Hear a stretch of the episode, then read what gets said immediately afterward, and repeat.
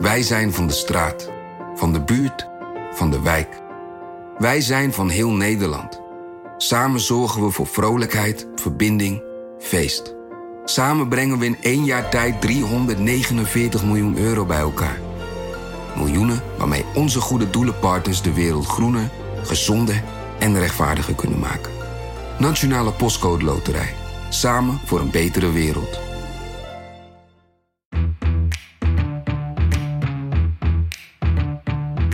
Dit is Haagse Zaken van NRC. Mijn naam is Guus Valk.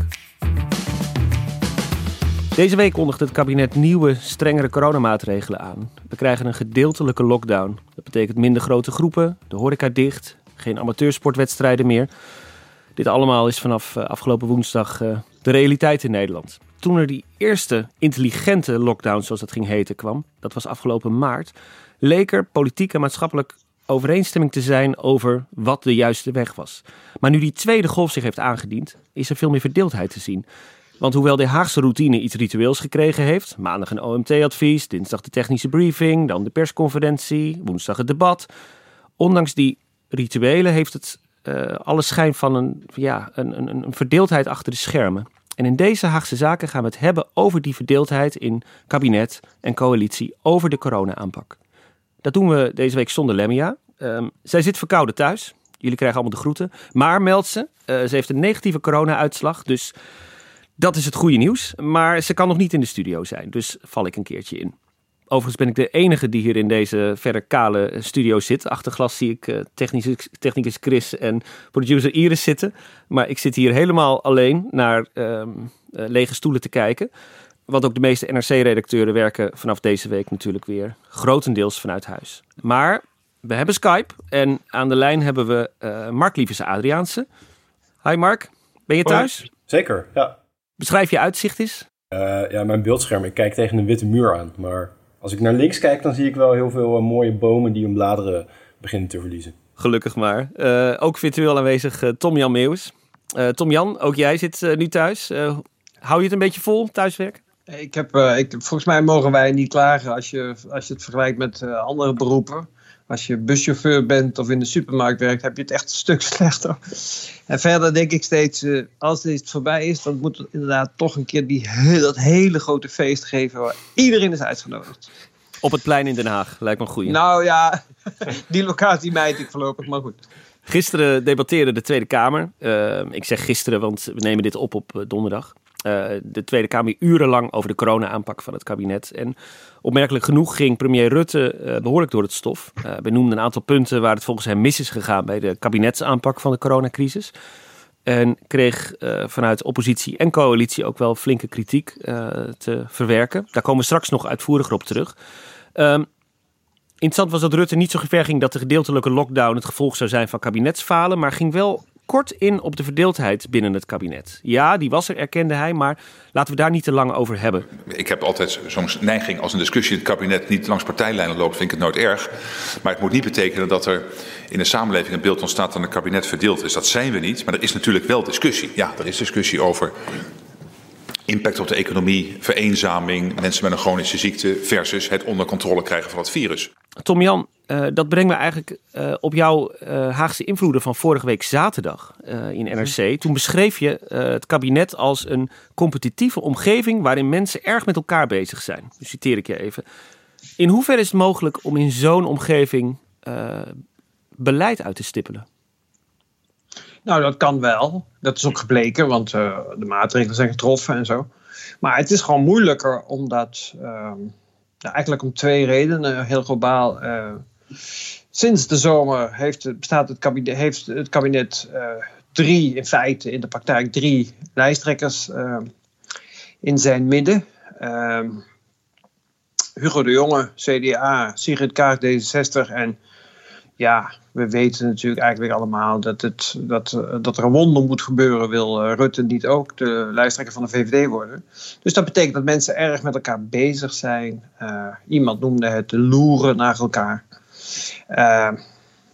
Ik heb dat getypeerd door te refereren aan een interview dat Sigrid Kaag, ik meen twee weken geleden, aan Mark, geloof ik, hè, aan Mark Lemja gaf in NRC, en daaruit bleek dat zij niet op, niet op alle, van alle details van het D66-verkiezingsprogramma op de hoogte was. Sommige gevoelige details, dus dat was wel nuttig om te weten. En zo'n stuk wordt dan, kreeg ik uitgelegd, en ik mocht het ook meekijken in ieder geval wordt vrij driftig rondgeappt in uh, appgroepen binnen het kabinet. En dat laat je eigenlijk zien dat uh, mensen niet alleen met coronabeleid bezig zijn, maar ook met hun onderlinge verhoudingen. Dus dat maakt het al moeilijk. En verder heb je gewoon inhoudelijke verschillen van mening. Die zijn eigenlijk al een half jaar. En die worden verscherpt naar de mate waarin uh, de, de ministers die de regie hebben, dat zijn er drie, Rutte, De Jonge en Grapperhaus, minder effectief opereren. Wordt er zo verschillend gedacht binnen het kabinet over de richting waar het naartoe moet? Nou, ik denk dat het eigenlijk. Um, uh, dat, dat het gewoon heel, uh, dat het heel klassiek is. Het is gewoon een belangenstrijd in de kern. En uh, in kabinetten is dat natuurlijk gewoon altijd zo. Daarom zitten er ook 14 of in dit geval 16 ministers en niet één. Hè. Het zijn gewoon verschillende maatschappelijke sectoren die daarin samenkomen. En je hebt eigenlijk vanaf april gezien dat uh, toen, toen het kabinet een, met een eerste lockdown-achtige aanpak kwam, uh, dat uh, de economie in protest kwam. En dat, dat gebeurde natuurlijk via de werkgeverslobby. En, en, en, en, en dat drong tot de binnenkamer door via Wiebes, die al in, ergens, ik weet de datum niet meer uit mijn hoofd, maar ik heb er destijds over geschreven, met een handgeschreven presentatie kwam, waarin hij zei, sorry uh, Mark? 5 april was dat. Right. Uh, met, een, met een presentatie kwam waarin hij zei, we moeten naar een anderhalve meter economie. En talrijke voorbeelden gaf van hoe je de economie weer kon openen. Nou, dat sloeg toen ook niet onmiddellijk aan. Maar achteraf gezien is dat, is dat toch een belangrijk deel van de aanpak later in het voorjaar geworden. Nou, in, in zekere zin zie je een vergelijkbare situatie nu. Maar er zijn ook verschillen. Dus uh, het, is, het, is, het is verbreed. Uh, dus, uh, uh, en dat heeft te maken met ongemak. En dat ongemak zit als volgt, zo heb ik het me laten uitleggen. Die drie ministers, dus Rutte, de Jong en Grapperhaus, die sturen op, op data van het ministerie van Volksgezondheid. En dat zijn de, de besmettingsgegevens, de ziekenhuisopnames, de IC-capaciteit en de IC-bezetting. En dan heb je vanuit de zorg, is het volmaakt logisch om om uh, maatschappelijke activiteit te onderdrukken op momenten dat die cijfers uit de hand lopen. Dat, is, uh, dat gebeurt steeds. Um, nou, er zijn eigenlijk twee soorten reacties opgekomen. In, in, en dat heeft zich in het najaar versterkt. De eerste zijn de, de drie W's. Dat zijn uh, Wiebes, die kennen we van het voorjaar. Dat is uh, Wouter Koolmees, minister van Sociale Zaken, die alle steunpakketten voor het bedrijfsleven heeft bedacht en ziet wat de kosten zijn. En je hebt Wopke Hoekstra, die, die natuurlijk van nature gezien zijn functie let op, het, op de staatsschuld. De minister van Financiën, inderdaad. En Wiebes is minister van Economische Zaken. Ja. En, en, het interessante aan is ook wel, kijk, uh, Wiebes is, is, is een beetje een nerd, maar ook een puzzelaar. Als een probleem echt ingewikkeld is, wordt hij echt actief. En die wil ook achteraf graag de slimste zijn die het allemaal heeft bedacht. Koolmees is een, is een, is, is een, een meer altruïstische figuur die zoekt gewoon naar oplossingen. Maar die, bij, maar die drie die vinden elkaar in de, in, de, in de vaststelling dat als je steeds generieke algemene maatregelen treft die de economie uh, voor een belangrijk deel stilzetten, uh, dat je dan dingen doet die eigenlijk die tegen je eigen belang ingaan. Het beste voorbeeld is, kwam van Wiebes, die zei, ja, kijk, alle horeca sluiten, dat is helemaal niet wat je moet doen. Je moet de horeca sluiten die zich niet aan de regels houdt. Als er een horeca zich prima aan de regels houdt, waarom zou je die sluiten? Nou, dat is één kant van dat verhaal. Het interessante is dat het zich heeft verbreed en dat zit zo. Er zijn ook Carola Schouten en Kajsa Ollongren bijgekomen. En uh, die hebben in feite op, op andere onderwerpen dezelfde ervaring gehad als die drie. Uh, die hebben namelijk elke week, heb je op dinsdag uh, de bijeenkomst van de premier met de vicepremiers en hun politiek adviseurs. Die lunchen met elkaar. En daar, zit dat, daar heeft zich dat, die verschillende manier van kijken naar hoe je coronabeleid voert, uh, is ook steeds helder op tafel gekomen. En je moet niet vergeten, in het voorjaar was Wouter Koolmees, opnieuw hij, een tijd lang vicepremier als vervanger van Kajsa Ollongren. En dan zit ook bij Carola Schouten voor de ChristenUnie. Ja. Minister van Landbouw. Ja, en Schouten en Koolmees, die zijn ook daar um, steeds sceptischer geworden over dat alleen maar kijken naar de data van VWS als indicatoren voor beleid. Um, en, en hebben het punt van de neven, de, de schadelijke neveneffecten genoemd. Dus bijvoorbeeld dat ouderen niet meer gaan sporten, wat ook heel slecht is voor de algemene gezondheidstoestand.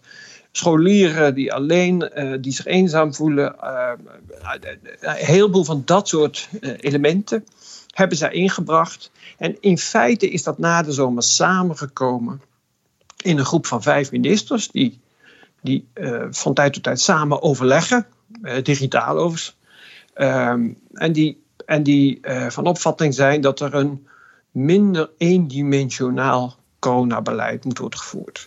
Tegelijkertijd zijn die mensen overigens ook heel erg duidelijk uh, van de overtuiging dat, het niet, dat je dat niet uh, vandaag kunt invoeren, dus dat het er langer lopend. Dus ik geloof niet dat ze tegen de maatregelen van deze week waren.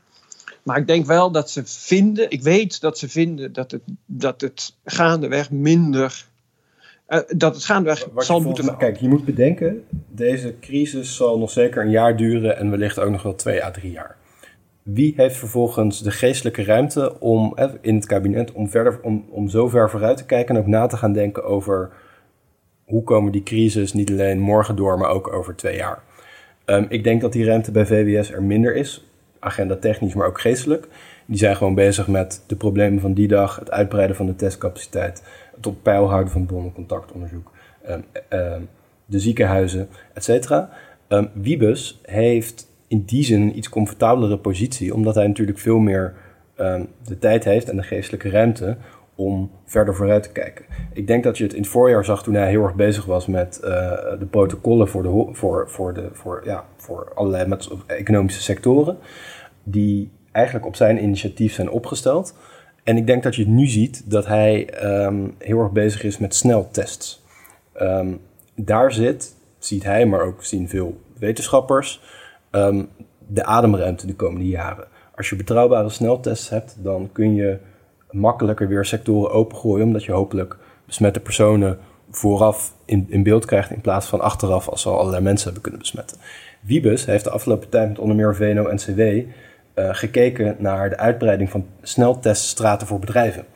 Um, dat heeft hij volgens mijn informatie een beetje buiten de radar van VWS gedaan. Um, en uh, dat is, als ik de Kamerbrief van de jongen van deze week lees, is hij daar ook een klein beetje mee teruggefloten. Um, daar zitten weer, in die brief zitten allerlei mits en maren over die teststraten van VNO-NCW. Maar Wiebes heeft gewoon gedacht, ja, uh, er komen sneltests op de markt. Um, bedrijven gaan die nodig hebben. Uh, bij VWS zal onvoldoende ruimte zijn om hier nu heel erg mee bezig te zijn. Ik ga het zelf wel doen. uh, zoals hij dat voor de zomer ook deed met, met de protocollen voor, voor, het voor het bedrijfsleven. Dus ik denk dat de ruimte hebben om verder vooruit te kijken, is ook een, komt ook voort uit de drukte van je portefeuille. En misschien ook ja, je intellectuele capaciteiten. Wiebes heeft het allebei. En die kijkt veel meer dan, dan andere ministers ehm, ja, verder vooruit, wetende dat deze crisis niet in het voorjaar ineens voorbij zal zijn. Goed punt. Wat ik interessant vond aan de persconferentie van uh, afgelopen week, was dat Rutte in zijn inleiding, hè, toen hij de gedeeltelijke lockdown aankondigde, eigenlijk um, ruimte leek te geven voor het nadenken over de secundaire effecten van de coronacrisis. Dus hij had het over eenzaamheid en over mensen die geïsoleerd raken. Um, uh, ik zal maar zeggen, schade aan het, uh, aan het welbevinden van de samenleving, zonder dat het meteen uh, virusgerelateerd was. Die eenzaamheid, de psychische druk die veel mensen voelen, de oplopende spanningen in veel gezinnen, ook dat zijn de ontwrichtende gevolgen van corona. En die moeten we blijven zien en die moeten we blijven meewegen. Jong en oud zijn hierdoor hard geraakt. Kon je daar zien dat hij ook wil luisteren of ook ruimte wil geven aan dat argument? Nee, duidelijk. Dat was gewoon dat, dat was een reactie op, op dat samengebalde geluid van in feite die vijf bewindslieden.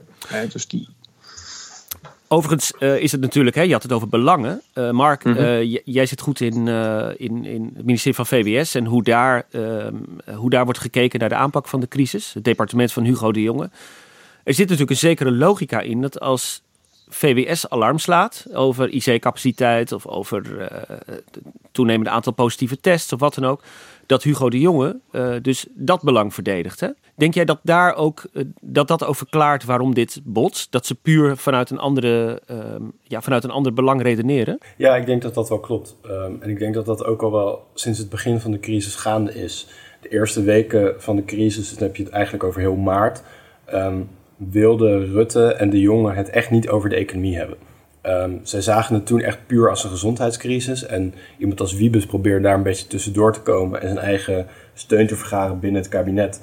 Uh, om er ook anders naar te kijken. Maar het klopt, kijk, de jongen en uh, Rutte kijken puur of primair naar ziekenhuisopnames. Dat, dat is voor hun de belangrijkste indicator of het goed gaat. Want uh, ze willen de, de, vraag of de crisis goed gaat beantwoorden ze door te kijken naar of de zorg het nog aan kan. Nou is het probleem dat je dan altijd twee à drie weken achterloopt. Hè? Want het duurt een poosje voordat mensen die besmet raken dusdanig ziek worden dat ze naar het ziekenhuis moeten. En daardoor loop je eigenlijk altijd achter. En um, ben je eigenlijk altijd reactief. En wat volgens mij de denkwijze van Erik Wiebes is, is dat je um, als overheid ook meer um, ja, sturend moet worden op, uh, of meer proactief moet gaan, gaan, gaan handelen, proactieve maatregelen moet nemen. En dat botst. Want uiteindelijk uh, uh, is het wel een risicovolle strategie. Kijk, uiteindelijk, als je puur naar de ziekenhuisopnames kijkt, dat is een hele heldere, het geeft een, zekere zekerheid. Um, als je het iets anders wil aanpakken door over een langere periode een anderhalve meter economie, zoals Wiebes dat in het katshuis noemde, wil invoeren, dat is risicovoller. Kijk, een lockdown, daarvan weet je dat het werkt. In zekere zin. Het brengt de, de, virusbesmettingen terug. Maar we weten inmiddels ook wat uh, de neveneffecten zijn. Nou, en ik denk dat, dat dat er dan uiteindelijk toe leidt dat iemand als Wiebes en een aantal anderen um, die neveneffecten uh, ook zwaarder laten meewegen in de vraag ja, hoe sturend de overheidsaanpak moet zijn. In hoeverre speelt onvrede daarin een rol? Want er, is natuurlijk, um, er zijn natuurlijk volop kansen voor, voor ministers die er anders over denken om mee te praten. Hè? Er is uh, natuurlijk de ministerraad, coalitieoverleg, noem het maar op. Maar er is ook een uh, zogeheten interdepartementale werkgroep crisisbeheersing, hè, de MCCB. Er zijn natuurlijk wel kansen voor ministers om ja. hun punten in te brengen, of niet? Nou, de, de MCCB bestaat niet meer. um, de, de, in de hele acute fase van de crisis, begin maart, is de MCCB uh, opgetuigd. Dat valt dan binnen de nationale crisisstructuur. En daaronder zitten allerlei ambtelijke uh, uh, werkgroepen. Je hebt een IAO, een ICCB, een BAO en nog een aantal hele lijpe afkortingen. Maar die crisisstructuur, daar zijn ze in het voorjaar, uh, toen de crisis, de acute crisis wat bezweerd was, van afgestapt. En dat het fascinerende aan die MCCB is dat dat was het sluitstuk van de besluitvorming. Hè. Er zat een enorme ambtelijke tombola uh, voor, waar besluiten voorgekookt werden. Maar het was wel het was de stempelmachine eigenlijk. Um, en je zag in het voorjaar op een gegeven moment dat in het kabinet de MCCB gezien werd als de place to be. Daar moest je zijn. Met de consequentie dat steeds meer ministers aan wilden schuiven. En dat mensen als Bruls namens de veiligheidsregio's, Henk van Essen namens de nationale politie, hun stoel daar aan tafel verloren. Omdat er altijd wel ergens een staatssecretaris was die dacht: ik moet er ook bij zijn, want ik heb ook iets te zeggen over corona. Nou, inmiddels uh, zijn ze afgestapt van die MCCB. Er is nu een MCC, de Ministeriële Crisiscommissie. En die zijn er voor meer langlopende crisis. Er is er bijvoorbeeld ook eentje over RMA17.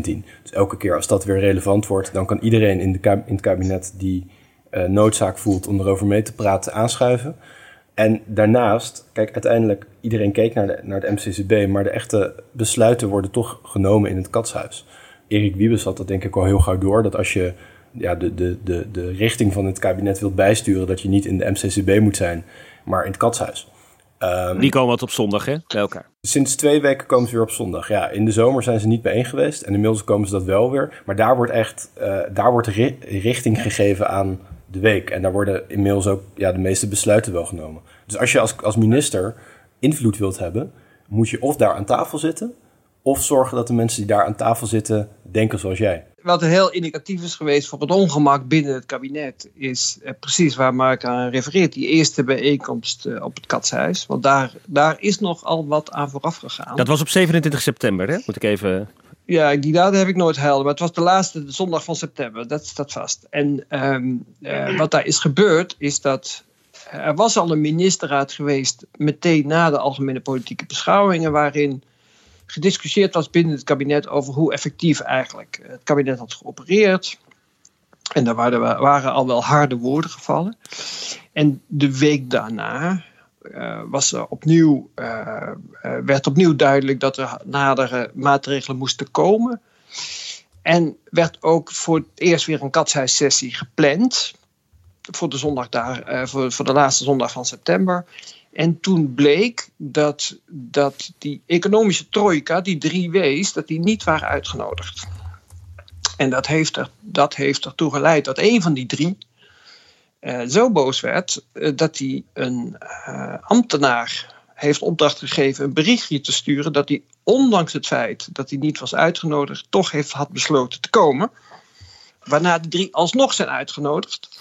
Maar dat laat eigenlijk zien, dat illustreert heel goed um, dat mm, ook, ook gezichtsbepalende ministers zich buitengesloten voelen van de besluitvorming. En, ehm, en, en, en dat was in een eerder incident ook gebleken. En dat was in de, in de ministerraad uh, na, de, na de algemene politieke beschouwingen op uit mijn hoofd 18 september. Uh, toen uh, die, ja, er is veel gebeurd, maar die, die vrijdagavond hebben Rutte en de Jonge voor het eerst weer een persconferentie gehouden. met, de, met het verhaal de kroegen wat eerder dicht. Hè? Dat geloof dat dat, dat toen werd. En, uh, en uh, uh, in het kabinet hebben zij toen voor, uh, uitgelegd wat, wat, wat ze van plan waren. en officieel moet de minister daar daarmee instemmen. maar zoals een van de mensen die daarbij was mij vertelde, ja, dan zitten ze gewoon de persconferentie op ons te oefenen. En opnieuw is dat een illustratie van uh, ja, dat, dat, dat steeds meer bewindslieden zich buitengesloten voelen van de beleidskeuzes. Terwijl tegelijk uh, politiek gemotiveerd, maar ook oprecht gemotiveerd, het idee bestaat dat er eigenlijk gewoon niet erg verstandig is geopereerd in de nazomer. Dus dat is wel een vrij relevante gang van zaken geweest, denk ik. Niet uitgenodigd worden en dan klagen, een beetje als assenpoester op een bal bijna. Um, is het is, speelt dit breder? Want uh, je noemde net die vijf ministers. Die hebben een, uh, de een wat meer dan de ander misschien, maar een duidelijk belang. Uh, namelijk ook het in leven houden van de economie. En voorkomen dat er grote lange termijn effecten ehm, ontstaan of dat het uit de hand loopt. Maar neem een minister als Arie Slop van Onderwijs of Ingrid van Engelshoven. Die hebben natuurlijk ook een groot belang in deze crisis. Ehm, maar worden ook niet overal bij betrokken en bij uitgenodigd. Leeft dit breder in het kabinet? Ja, kijk, eh, ook, ook oh, het is goed interessant dat je Arie Slop noemt, want in die ministerraad voorafgaande aan de katshuis, van de eerste katshuissessie, is ook nog, uh, kijk, eh, Mark noemde net die hele crisisstructuur, en dat is allemaal ingewikkeld met commissies en toestanden. Maar voor ministers is maar één ding, en dat is de vraag: wie beslist er nou eigenlijk? Dus die willen, uh, zeker als je minister van Onderwijs bent bijvoorbeeld, wil je wel weten: ja, hey, hoe zit dat nou eigenlijk? En. Um, en wie heeft hier het laatste woord? En, en Arie Slob heeft in die ministerraad voorafgaande aan de katshuissessie, en ook dat laat je zien dat het argwaan een beetje groeit, gezegd: Nou, ik vind het prima dat er weer een katshuissessie is en ik hoef er ook niet bij te zijn. Maar ik wil dan wel dat voorafgaande aan uh, de, de, de presentatie van, uh, van het nieuwe beleid aan, uh, aan het publiek op een persconferentie, dat er een dat heet dan nu, als ik het goed heb, een MCC 19 wordt gehouden, een, ministeriële commissie. Uh, waarin de meest betrokken bewindslieden meepraten over die beslissingen. En die is toen in de haast op het laatste moment op maandagmiddag gepland. Dus kijk, je, je ziet aan alle kanten dat bewindslieden alerter worden op wat er nou precies wordt, precies wordt besloten. En dat komt omdat ze toch het gevoel hebben dat het niet goed gaat. Ja. Maar interessant is wel dat, dat natuurlijk in die twee katshuissessies die er tot nu, tot nu toe zijn geweest, ook steeds wel gesproken is over het onderwijs en over een eventuele schoolsluiting. En dat beide keren Arie Slop niet aan tafel zat. Um, nee, maar dat, was, dat, maar dat was ook de reden dat hij dat vroeg. Ja, precies, maar kijk, Ja, ja, wat, wat toch ook wel interessant is aan die scholen is... kijk, in het voorjaar heeft de Kamer eigenlijk afgedwongen... dat de scholen toch, toch op slot gingen. En wat dat betreft heeft de, is, is het interessante feit... Heeft er ook al voor dat het onderwijs, althans tot nu toe... zijn positie heeft veiliggesteld. En dat gaat voor een deel natuurlijk eigenlijk ten koste van de economie. Want zorg beschermen één, onderwijs openhouden twee... Maar toch uh, uh, maatschappelijke bewegingen uh, en, en sociale contacten verminderen. Dat betekent natuurlijk dat de economie meer moet inleveren vergeleken met het voorjaar. Nog even terug op die. je noemde net even de drie lijsttrekkers in het kabinet. Hè? eigenlijk zijn het er twee. Even vanuitgaand dat Mark Rutte zich binnenkort ook gaat melden als VVD-lijsttrekker, lijsttrekkerskandidaat. zou het er drie zijn. Um, Hugo de Jonge is niet alleen minister van VWS en chef corona, zoals hij dat zelf noemt, maar ook lijsttrekker van het CDA. Sigrid Kaag, minister van Buitenlandse Handel, is ook lijsttrekker van D66. Um, en ze kreeg een interessant ja, bijrolletje eigenlijk ineens in de coronacrisis. Want het blijkt dat zij de, de communicatie van het kabinet mag evalueren. Vertelde Rutte gisteren in het, uh, in het debat. Er is overigens in het kabinet al een clubje geweest van Cora van Nieuwenhuizen en Sigrid Kaag.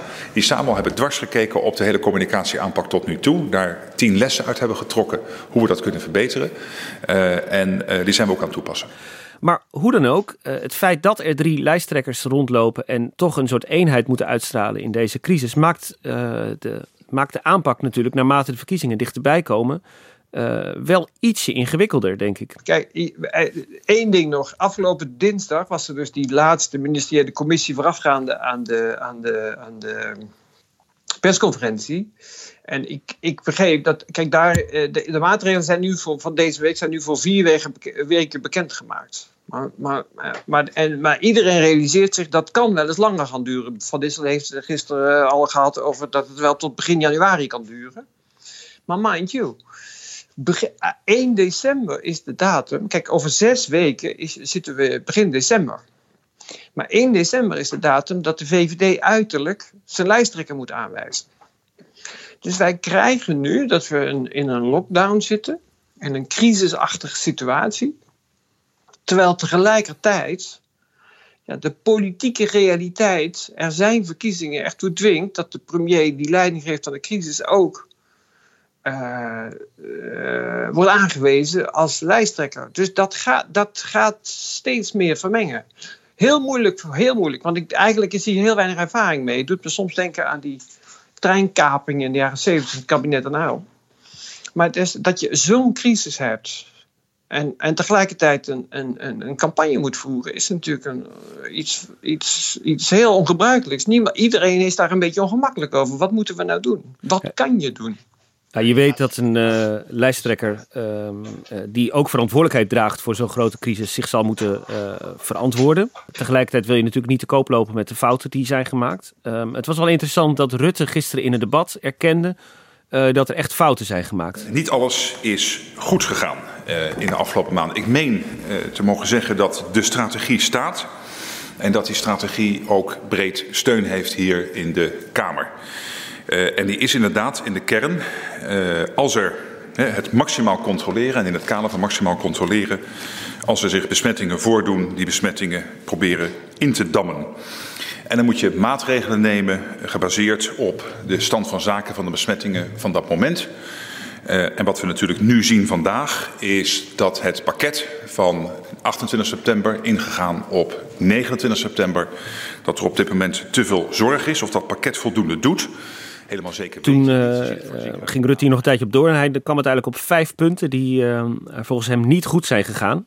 en lessen die eruit getrokken moeten worden, zei hij. Even heel kort zal ik ze bij langs gaan. Hij zei dat het kabinet steviger had moeten ingrijpen toen de situatie naar zorgelijk ging hij vond dat zijn uh, communicatie uh, ja, te veel nadruk legde op de eigen verantwoordelijkheid van burgers.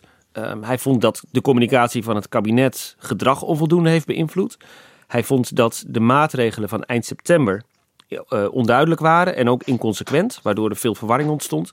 En wat ik ook interessant vond was wat hij dan noemde het beeld van verdeeldheid in het kabinet. Dat was ontstaan en volgens hem leidde dat ook de aandacht af van het virus. Dat waren de de, de, de zaken die niet goed waren gegaan. Mark, jij zat gisteren bij dat debat. Nou, ik zat thuis hoor. Je zag, En het werd laat, geloof ik. je zag ook in de coalitiepartijen ja, een, een, een, kritische grondhouding, zal ik maar zeggen. Maar wat zag jij daar ontstaan in dat debat? Ehm, nou, je ziet dat. dat ehm, kijk, Rutte heeft nu aangegeven, we waren niet te laat, maar we hebben wel te weinig gedaan.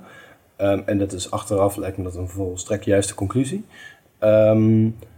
je ziet in de Kamer twijfel ontstaan of bij een volgende situatie het kabinet niet per se eh, te laat zou zijn, maar of ze dan niet weer te weinig zouden doen.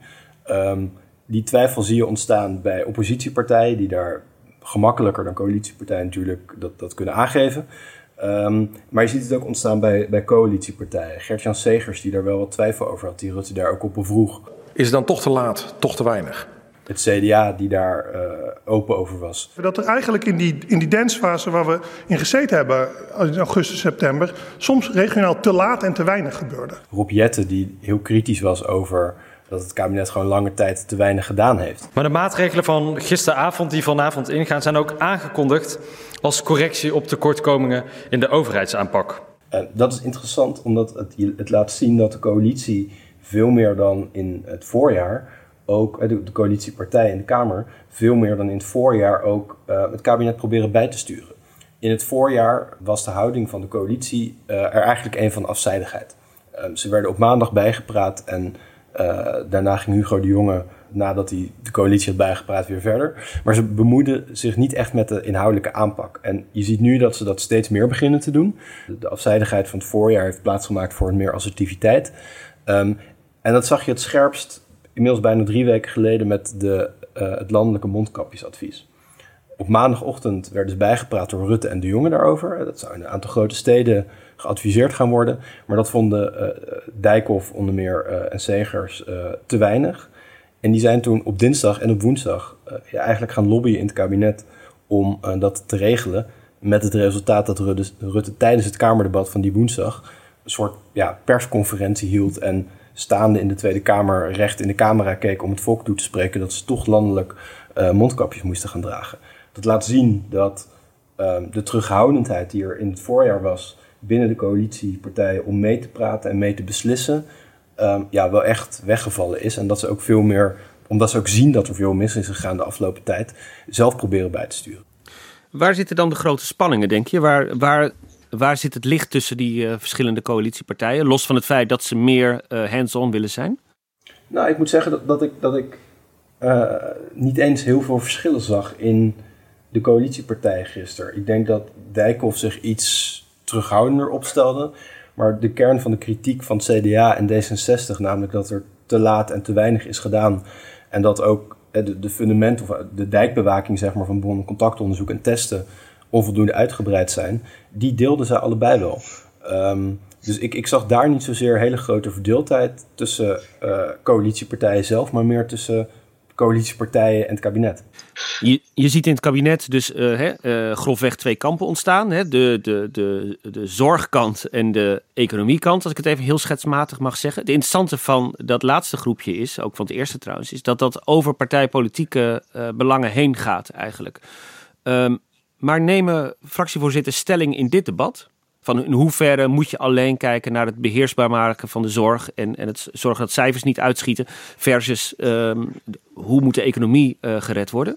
Nou, ik, ik, ik weet niet of dat zo'n harde tegenstelling is als die zo vaak wordt geschetst. We zagen deze week bijvoorbeeld het IMF en de Nederlandse Bank, die allebei um, presenteerden dat een lockdown toch minder onaantrekkelijk is dan het op het eerste gezicht is. Uh, zij zeggen je kan beter de, de harde klap van een paar weken kiezen dan uh, het maandenlang een beetje laten smeulen, omdat de economische activiteit dan over een langere periode afneemt. Um, dat is natuurlijk puur wel een economische afweging, uh, want de consequentie is ook dat mensen ja, weer maanden of weken lang binnen zitten en dat heeft allerlei ja, psychosociale en culturele effecten. Ik denk dat uh, met name bijvoorbeeld iemand als Rob Jette al veel langer aandacht vraagt voor alles eromheen. Dus niet alleen puur medisch niet alleen kijken naar wat puur epidemiologisch noodzakelijk is, maar ook wel de slachtoffers daarvan, zeg maar, de slachtoffers van een lockdown uh, helpen. Hij was bijvoorbeeld al in maart initiatiefnemer van een motie om de cultuursector breder te ondersteunen. Um, hij vraagt overigens ook al veel langer om uitbreiding van de testcapaciteit. Hij is al langer sceptisch over de beloftes van, van Hugo de Jonge. Um, als je het hebt over die tegenstelling waarvan ik niet helemaal zeker weet hoe scherp die daadwerkelijk is tussen economie en gezondheid, dan valt me eigenlijk op dat, dat in de coalitie veel breder dan door de drie ministers wordt gekeken naar alle neveneffecten van, uh, van maatregelen. En niet alleen de economische neveneffecten, maar ook de sociale neveneffecten. Pieter Heerma, die al langer van het kabinet vraagt dat ze ook uh, een quarantaine makkelijker maken voor mensen die uh, ja, niet thuis kunnen werken. Die een soort ondersteuning eist van het kabinet voor mensen met nul uren contracten. Uh, mochten die in quarantaine moeten. Laat denk ik zien dat, het, dat, dat um, binnen de coalitiepartij wat meer onvrede is over de puur medische aanpak van het kabinet. Maar dat ze ook heel erg zoeken naar waar zit de ruimte om uh, het wat bij te sturen en de schade wat, wat, wat te beperken. Uh, nou, kijk, in, in, in aanvulling. Um, ik geloof dat ook wel echt een complicerende factor is. Dat als je de ei afbelt, komt heel veel kritiek uiteindelijk op één hoofd terecht. En dat is dat van Hugo de Jonge. Want die doet nu eenmaal VWS. En daar is het misgegaan met testen, bron en contact. En we kennen het hele rijtje. En uh, tegelijkertijd heeft hij gewoon een. Uh, een uh, die is leider van een partij geworden. die, die heel moeilijk in staat is om zich volledig neer te leggen bij zijn nieuwe leiderschap. Verder heeft hij het gewoon veel te druk. Dus hij heeft er ook niet veel tijd voor. En het gevolg daarvan is eigenlijk. In ieder geval in het kabinet werkt het zo dat aan de ene kant er enorm veel kritiek is bij allerlei mensen over hoe VWS dit doet. En aan de andere kant in, in, in het openbaar een heel, uh, heel nadrukkelijk ervoor wordt gekozen om uh, vrijwel niets of überhaupt geen kritiek uit te oefenen op de jongen als persoon. Dus er wordt wel, hè, dat, dat, waar Mark net op wijst, in de Kamer gisteren ook, eigenlijk alle fractievoorzitters van de coalitie wijzen erop dat er gewoon puur inhoudelijk bij VWS van alles is misgegaan. In feite zei Rutte dat natuurlijk eigenlijk ook. Hè, en die heeft ook intern wel eens op gewezen dat, uh, dat hij achteraf dacht: nou, uh, misschien hadden we toch wat, wat eerder forse maatregelen moeten nemen. En de echo daarvan uh, hoorde je gisteren in de Kamer.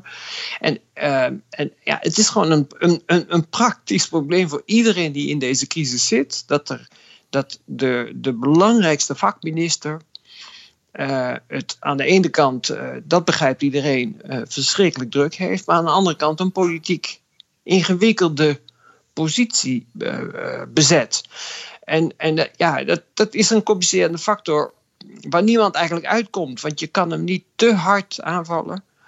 Maar tegelijkertijd is het wel een, een, een aspect van, van, van dingen die verkeerd gaan. Wat denk ik heel interessant gaat worden, is de situatie in maart en februari. Um, het VWS houdt volgens scenario's waarmee zij rekenen rekening met een derde golf die in januari zou beginnen, die zo'n tien weken zou duren. Dat zijn precies de tien campagneweken. Um, en dan ga je dus een situatie krijgen dat je um, uh, de twee wekelijkse persconferentie hebt, waarbij premier Rutte en vicepremier en minister van Zorg Hugo de Jonge naast elkaar vertellen waarom de maatregelen van dat moment nodig zijn. Um, die in dezelfde week als VVD-lijsttrekker Rutte en CDA-lijsttrekker Hugo de Jonge in debat zullen moeten gaan over corona. Over de economische schade van corona. Over hoe de samenleving na corona eruit moet gaan zien.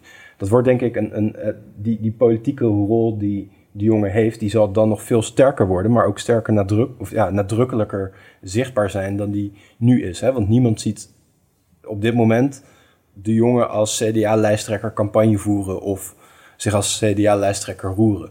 Um, dus je krijgt een hele gekke situatie in die, in die tien weken. Ook als er overigens geen lockdown is, krijg je alsnog een gekke situatie. De crisis is dan nog niet voorbij. Dat ja, uh, verkiezingsretoriek of verkiezingsideeën, strategieën mee, zullen, mee kunnen gaan spelen in de afweging voor eventuele maatregelen. Maar dat is ja. toch interessant, want je krijgt dus straks de situatie dat ze ja. op, di op dinsdag staan ze naast elkaar. Um, uh, hè, twee lijsttrekkers in een hele moeilijke periode. Dan komt er een lastige vraag. Wie gaat die vraag beantwoorden? Weet je wel, tot nu toe kan Rutte, de laatste tijd verandert hij een beetje van, uh, van strategie. Maar kan hij vaak zeggen bij lastige technische vragen. Want daar zit hem toch natuurlijk vaak uh, de pijn. Oh, dat heb ik even niet paraat. Hugo, uh, hoe zat het ook alweer?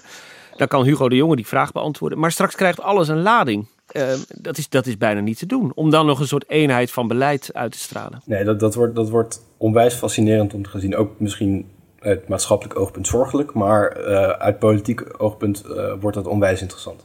je hebt natuurlijk wel een precedent, hè? want we hebben de, de, de Zuid-Molukse, of de kapingen door de Zuid-Molukse jongeren in, aan het eind van de kabinetsperiode Den Uyl in 1977, tijdens de verkiezingscampagne. En dan zijn de twee concurrenten ook trouwens premier en vicepremier, uh, Den Uyl en Van Acht. En Van Acht is dan als minister van Justitie eerst verantwoordelijk voor het aanpakken van, uh, van de. Van de van de kapers. Enfin, hier kan je eigenlijk. Dit is, dit is een prachtig vergelijkbare situatie. En dan, ja, uiteindelijk, in dit soort omstandigheden, is bijna altijd de regeringsleider degene die ervan profiteert. Ik, ik denk dat het vergelijkbaar is, maar ik denk dat, dat um, de maatschappelijke impact van waarover gesproken wordt dit keer nog wel veel sterker zal zijn. Um, en toen ging het uiteindelijk om één kaping op één plek. Dit gaat over alle bedrijven, alle banen, uh, de zorg over de, de, ja, de medische zorg over alle Nederlanders. Dus ik denk dat dit nog wel ja, pregnanter is dan destijds. Nee, daar heb je voorkomen gelijk en dat is duidelijk. Maar het is de enige wat, wat, wat in mind komt als enigszins vergelijkbaar. En even bedenken, in 1977 won de PvdA uh, tien zetels bij de verkiezingen. En ja. uh, de voorgangers van het CDA wonnen er gezamenlijk eentje. Dus, het, dus uh, er was inderdaad sprake van, van, een zekere premierbonus. Hoewel het tweede kabinet er wel niet kwam. Precies. Den L werd natuurlijk daarna wel vakkundig aan de kant geschoven dat is waar. Ja. Nog even naar onze huidige premier. Want uh, dat is natuurlijk ook fascinerend, vind ik, om naar te kijken. Uh, hij lijkt, of nou, dat lijkt niet alleen, hij praat er openlijk over. Maar hij verandert in zijn kijk op de crisis aanpakken. En misschien ook wel in zijn kijk op, um, op hoe, hoe de mens in elkaar zit. Aanvankelijk benadrukte Rutte heel sterk um, het belang van eigen verantwoordelijkheid nemen. Uh, de overheid legt niks op, maar maakt afspraken met burgers. De uh, overheid uh, zegt wat ongeveer de bedoeling is. En dan mag de burger, uh, verantwoordelijk als, als hij of zij is, zelf bepalen in hoeverre regels op hem of haar van toepassing zijn.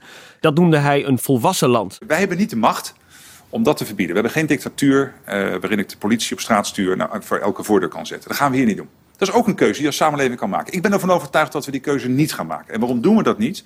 Omdat dit een volwassen land is en we zijn hier solidair. Uh, interessant is ook dat als Rutte vragen kreeg over in hoeverre kunnen mensen die verantwoordelijkheid aan en uh, is het niet inconsequent, want dit mag wel en dat mag niet en dan gaan burgers mopperen en dan uh, krijg je twee, twee spalt, et cetera. Dat Rutte daar altijd sterk afwijzend op reageerde, ook omdat hij redeneerde vanuit de eigen verantwoordelijkheid van burgers en het, ehm, en het vermoeden dat een burger uiteindelijk um, in staat is om volwassen afwegingen te maken. Dat bleek bijvoorbeeld toen het ging over het in, ja, eigenlijk in de band doen van restaurantbezoek uh, versus of je nog wel of niet naar een hotel mag. Ja, ja, weet je, als je zoveel geld hebt dat je een hele kamer erbij koopt. Het, het, lijkt mij een beetje asociaal, want dan ben je aan het fun. Uh, uh, slapen uh, om fun te kunnen eten. dat, dat, dat hotelrestaurant was bedoeld voor mensen die echt een overnachting nodig hebben. En dan ook omdat ze op dat moment niet thuis kunnen koken, in het restaurant wat kunnen eten. Het is niet bedoeld om via een omweg alsnog daar te kunnen eten. En dan snap ik dat de horeca zal denken van dit is een U-bocht. Maar moet dat dan niet gewoon gelijk getrokken worden? Moet er dan niet ja, gewoon jongens, zeggen, alle, hotel, of alle ja, restaurants nee. dicht? Oh, we hebben in Nederland, we runnen die, die crisis met z'n allen. Met 17 mensen. Dat betekent dat we allemaal een beetje moeten nadenken. Als Hugo en ik werkelijk iedere loophole moeten gaan dichtmaken die mensen zouden kunnen bedenken, dan zijn we echt bezig een, een, een kinderspeelplaats te runnen. En dat doen we niet. Interessant is dat hij nu, afgelopen week, meer praatte als een soort teleurgestelde ouder. Uh, het leek alsof hij de, uh, ja, steeds meer de, de, de, inzicht kreeg dat burgers niet in staat zijn om zelf die afweging te maken. Tot slot, een dringende oproep. Het is aan ons. Het is aan ons allemaal. Wees niet die eigenwijze persoon die de randjes van de regels opzoekt. Wees die realistische Nederlander die opstaat en zijn verantwoordelijkheid neemt als het erop aankomt. Papa is niet boos, papa is teleurgesteld. Nee, het, het is, dit is natuurlijk wel interessant, omdat het OMT-advies ook van deze week um, vroeg nadrukkelijk om zwaardere maatregelen, omdat ze zien dat de verwachte gedragseffecten van de vorige maatregelen beperkter zijn dan ze dachten. Um, en dat is heel anders dan in het voorjaar. In het voorjaar hoefde Rutte maar te zeggen: we gaan allemaal thuiswerken. Of mensen stonden bij de supermarkt te vechten om rollen wc-papier, omdat ze allemaal thuis zouden gaan zitten. Ondanks dat het op dat moment nog geen enkele juridische status had of zo, of uh, de kapperssluiting hetzelfde. Ehm, de kappers hoefden nog helemaal niet dicht, maar mensen gingen al niet meer naar de kapper. Dus mensen pasten hun gedrag al aan op basis van de woorden van Rutte. Je ziet nu de laatste maanden dat dat steeds minder gebeurt. Dus de, het automatisme dat Rutte iets zegt en de Nederlanders luisteren, dat is er denk ik ergens in de zomer van afgegaan. Dat maakt het ook veel moeilijker om vol te blijven houden of vol te blijven inzetten op de eigen verantwoordelijkheid van mensen, omdat een groeiend deel van de samenleving die, die volgzaamheid niet meer heeft.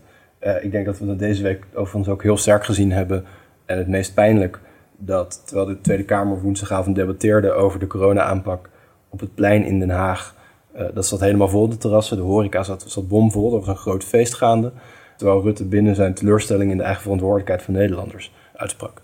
Um, nou, dan snap je een beetje waar dat vandaan komt, denk ik. Maar er zit toch ook een, een, een, een mensbeeld achter. Rutte gelooft uiteindelijk in individuele verantwoordelijkheid. Uh, hij is ook iemand die die verantwoordelijkheid zelf ook neemt. Hè. Het uh, beroemde voorbeeld is dat uh, van zijn moeder, die op sterven lag ehm, tijdens de eerste lockdown, die hij niet heeft kunnen bezoeken. Ik kan me ook mij Rutte verplaatsend voorstellen dat hij werkelijk niet snapt dat mensen dat doen en daar nu langzaam achter komt. Natuurlijk, het is een, het is een ontluisterende confrontatie met de grenzen van je eigen mensbeeld. Uh, en die confrontatie heeft Rutte nu, denk ik. Wat ik me nou afvraag, hè, uh, maakt het eigenlijk allemaal uit? Maakt het uit dat, uh, dat er verdeeldheid is in het kabinet? Dat, dat, dat de coalitie steggelt over bepaalde maatregelen? Uiteindelijk komen er gewoon, komt er gewoon een stevig pakket maatregelen en zitten we nu in een gedeeltelijke lockdown. Dus je kan zeggen, het eindresultaat van al die verdeeldheid en van al die uh, discussie. Um, ik ben benieuwd hoe jij daarover denkt, Tom Jan. Maar dat, het eindresultaat is dat er gewoon maatregelen komen, toch? Nou ja, dat is ook zo. Kijk, ik denk dat die. die uh, er zijn twee dingen, denk ik, aan die uh, gebleken verdeeldheid. Uh, Rutte, die runt de ministerraad zo dat hij eigenlijk altijd probeert te voorkomen dat discussies uit die ministerraad naar, buiten komen. Het feit dat dat nu wel gebeurt, laat zien dat, dat er iets speelt. En het tweede is, het is een aankondiging, eigenlijk, die verdeeldheid. Dus ik denk. Wiebes heeft ook een project lopen hier, dat heet Protocollen 3.0. En dat is, een, uh, dat is een uitwerking van de posities die de drie, CQ de vijf, eerder hebben ingenomen. En daarbij, uh, zal, en, en, en daarbij is de ambitie om, uh, om voor, per, voor allerlei bedrijfssectoren veel preciezer in kaart te brengen welke welk type bedrijven schadelijk zijn voor de coronabestrijding en welk type bedrijven uh, juist bijdragen aan de coronabestrijding. En uh, dan ga je dus een veel uh, andere, dan ga je nadenken over een heel andere opzet van uh, je coronapolitiek. Of dat kansrijk is, kan ik oprecht niet beoordelen. Dat hangt natuurlijk van de ernst van de crisis af. Maar dat dat denken niet stilstaat. En dat, uh, en dat, uh, uh, dat die discussie een en andermaal opnieuw aangezwengeld zal worden, dat weet je eigenlijk nu al. En ik denk dat dat de relevantie is uiteindelijk. Het is niet. politiek in Nederland is eigenlijk altijd. je doet twee stapjes vooruit, één terug. Je kent het verhaal. Je, het is. kabinetten in Nederland nemen nooit definitieve besluiten. Elk besluit heeft een, een hoog voorlopigheidsgehalte.